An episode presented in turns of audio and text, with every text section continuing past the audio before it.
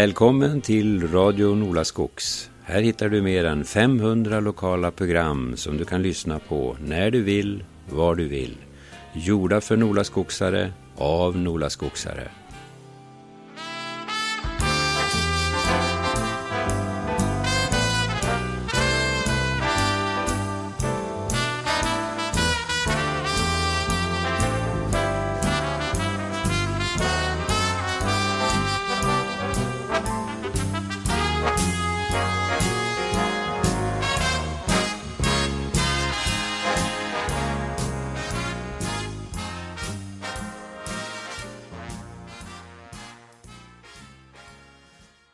Det här programmet kommer att handla om när Övik fick järnväg 1892 och tiden fram till Botniabanan. Om den senare har Tommy Dickens gjort ett program som finns på hemsidan. Jag heter Börje Göransson och har ett livslångt intresse för järnväg, främst det historiska. Nutiden noterar jag väl.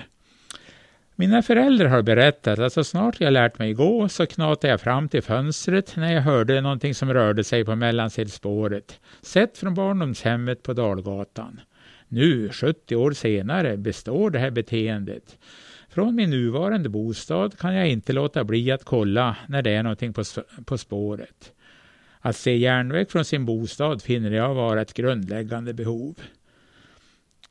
Att det gick lätt att förflytta tunga laster på järnhjul mot räls i någon form, det visste man redan på medeltiden. Men järnväg i den effektiva form vi är vana att se idag kom i och med att ångmaskinen blev praktiskt användbar och de första ångdrivna järnvägarna kom till på kontinenten och brittiska öarna på 1830-talet. Vid denna tid var Sverige ett fattigt uland i den civiliserade världens utkant. Men på 1850-talet beslutade riksdagen att i första hand bygga normalspåriga, det vill säga med spår vid 1435 mm, banor mellan Stockholm, Göteborg och Malmö. Övrigt järnvägsnät överläts i första hand till privata intressen. 1856 var de första stumparna av stadsbanor klara. Malmö-Lund och Göteborg-Jonsered. Tidigare samma år hade engelska intressen byggt Örebro-Nora. Nu ska vi inte tro att Norrland bara varit u-land. Innan 1850-talet var slut hade korta ångloksdrivna järnvägar byggts i Hudiksvall och Söderhamn. Först 1860 uppenbarade sig det första ångloket i Stockholm. Man frapperas över hur fort man byggde järnväg på 1800-talet. 1864 Åtta år efter de första bitarna var Stockholm, Göteborg och Malmö förbundna. Men om vi norrlänningar skulle ha statlig järnväg, det var statsmakterna ytterst tveksam till. Dock ville man komma åt Bergslagens rikedomar, så man byggde norrut mot Uppsala och kom till Krylbo 1873 och vidare till Storvik 1875. I Storvik fanns redan Eh, sedan 1859 den privata järnvägen Falun-Gävle. Hittills hade man byggt med normalspår med god standard på bana och broar.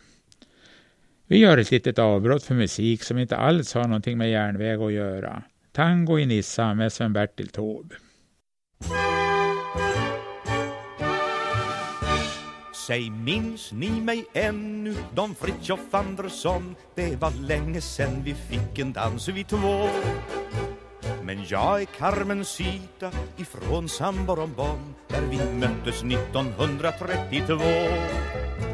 En tangokväll på Pampas en afton i april Ja, ni stal en kyss och så fick ni en korg Jag var grym, ni blev ledsen Men så går det ju till. Ja, och så får ni hem igen till Göteborg.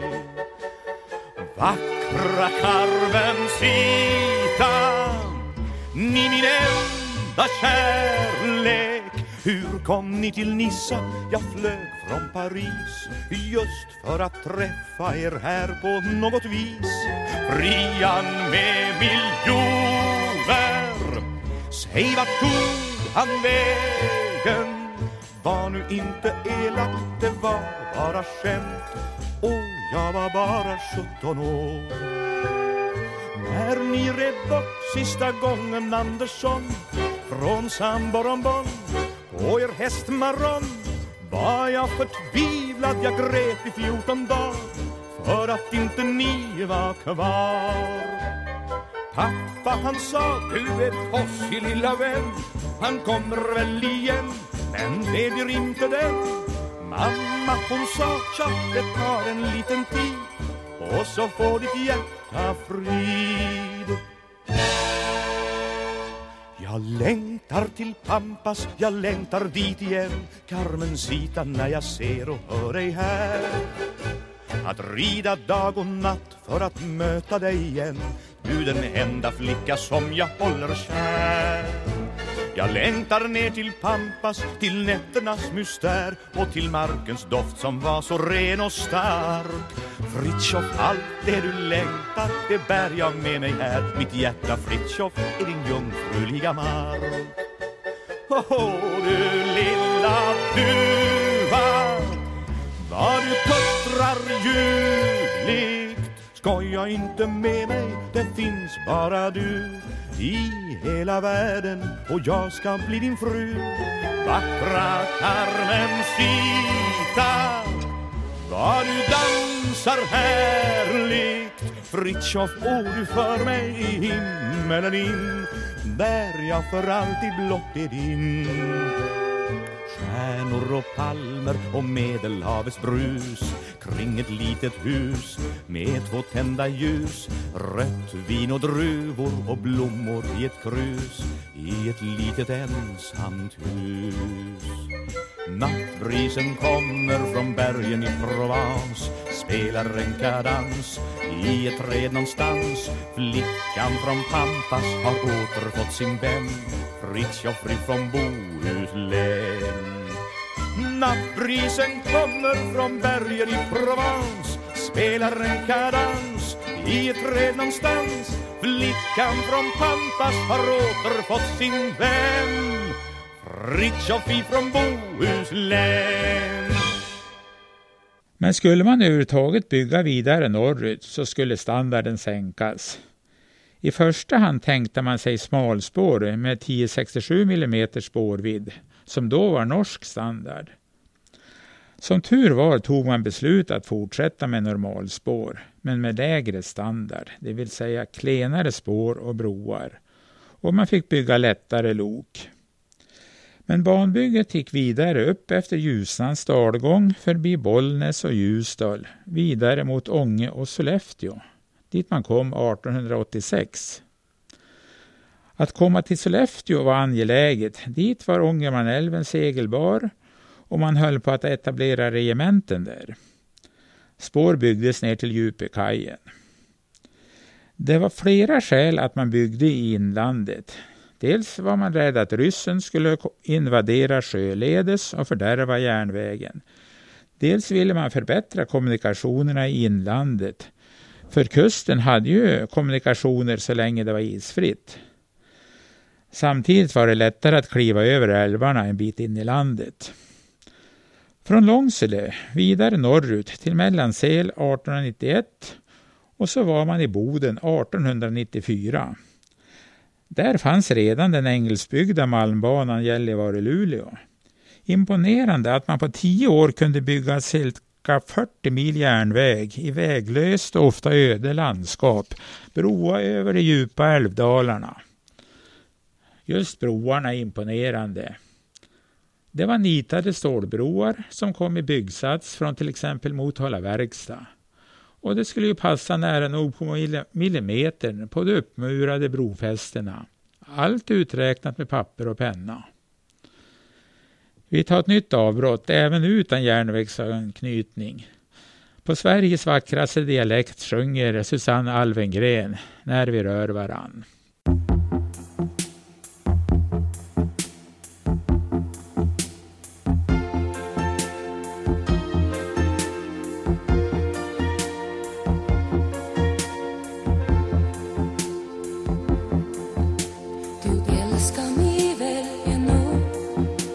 frågen som du har.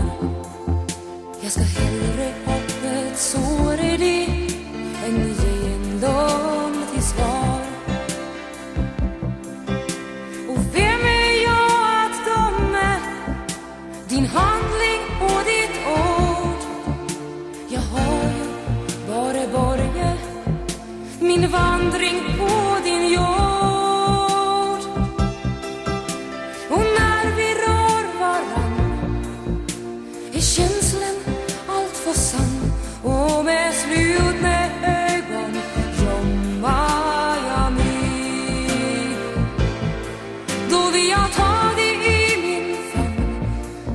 tills du ropar högt mitt namn och till den rädsla som jag har i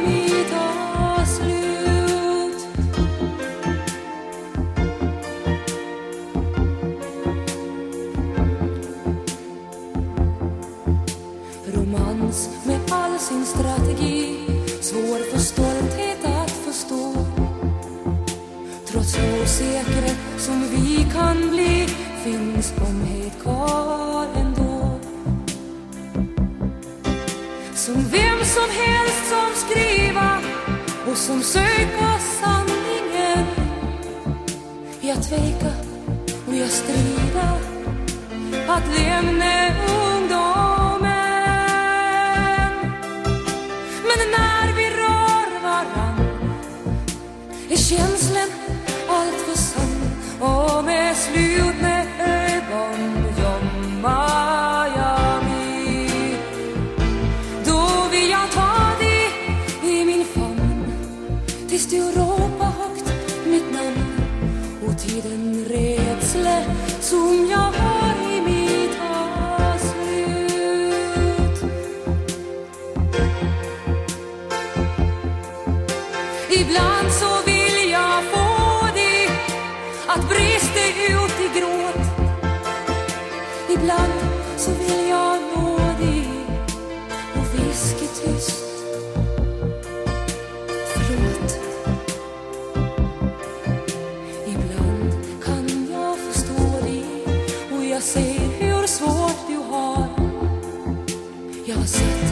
Kärlek når dig och när ingenting finns kvar. Som båtar utan råda vi söka varsin vän. En syster och en bråda men elden flammar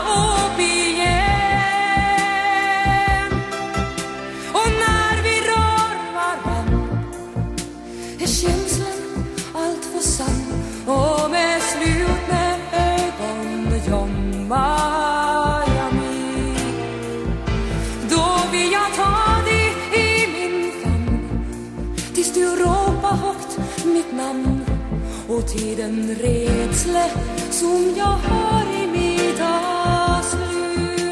slut. Och till den rädsla som jag har i mitt avslut.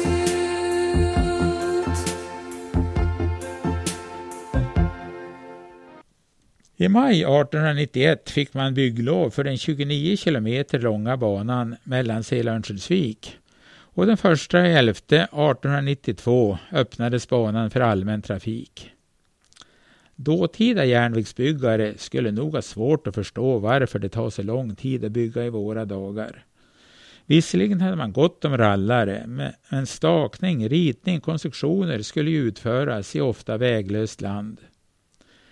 Vi nutida inser kanske inte vilken revolution järnvägen innebar.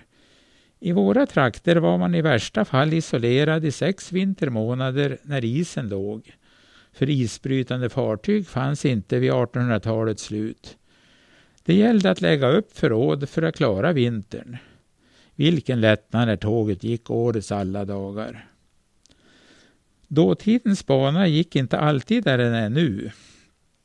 Nedanför nuvarande Malux i Ås vek den av och följde dåvarande dalgatorna. Sneddade mot gamla järnvägsstationen ungefär där södra rondellen nu är. 1892 års bana låg tämligen intakt till början på 50-talet. Då byggdes den första tunneln drygt kilometer långt genom Åsberget och Hägglunds fick äntligen sin spårförbindelse. Då flyttades även banan i sitt läge närmare Varvsberget för att frigöra mark för kommande E4 och bebyggelse på Dalgatan. 1957 var detta klart. 1962 avlöstes ångloken av dieselelektriska lok litra T43. Rälsbussar hade sedan senare 30-talet varit i trafik. 1977 blev det ny infart till Mellansel för att kunna avbemanna stationen. 1986 slut med lokal persontrafik med motorvagn och 1989 gick sista sovvagnen till Stockholm för den gången.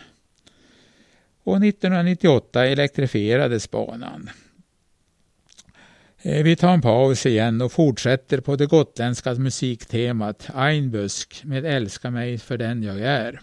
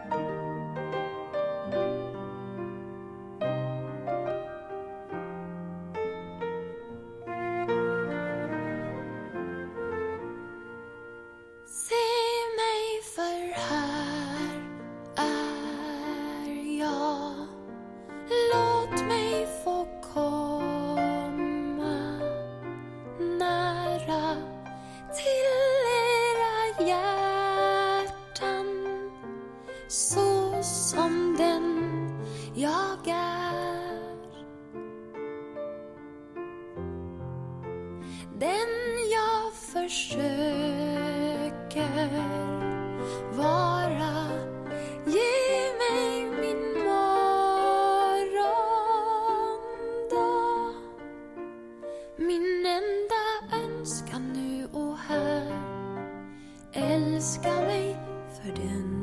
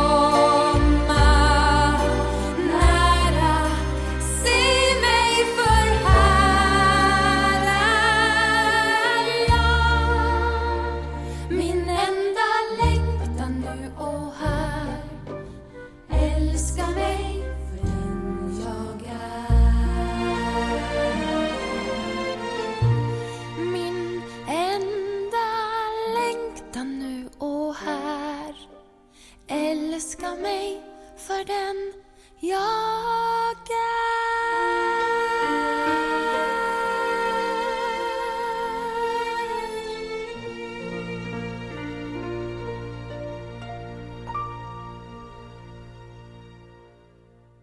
Från början fanns bara stationer i Moälven, nuvarande Moliden, Skellefteå och Örnsköldsviks central.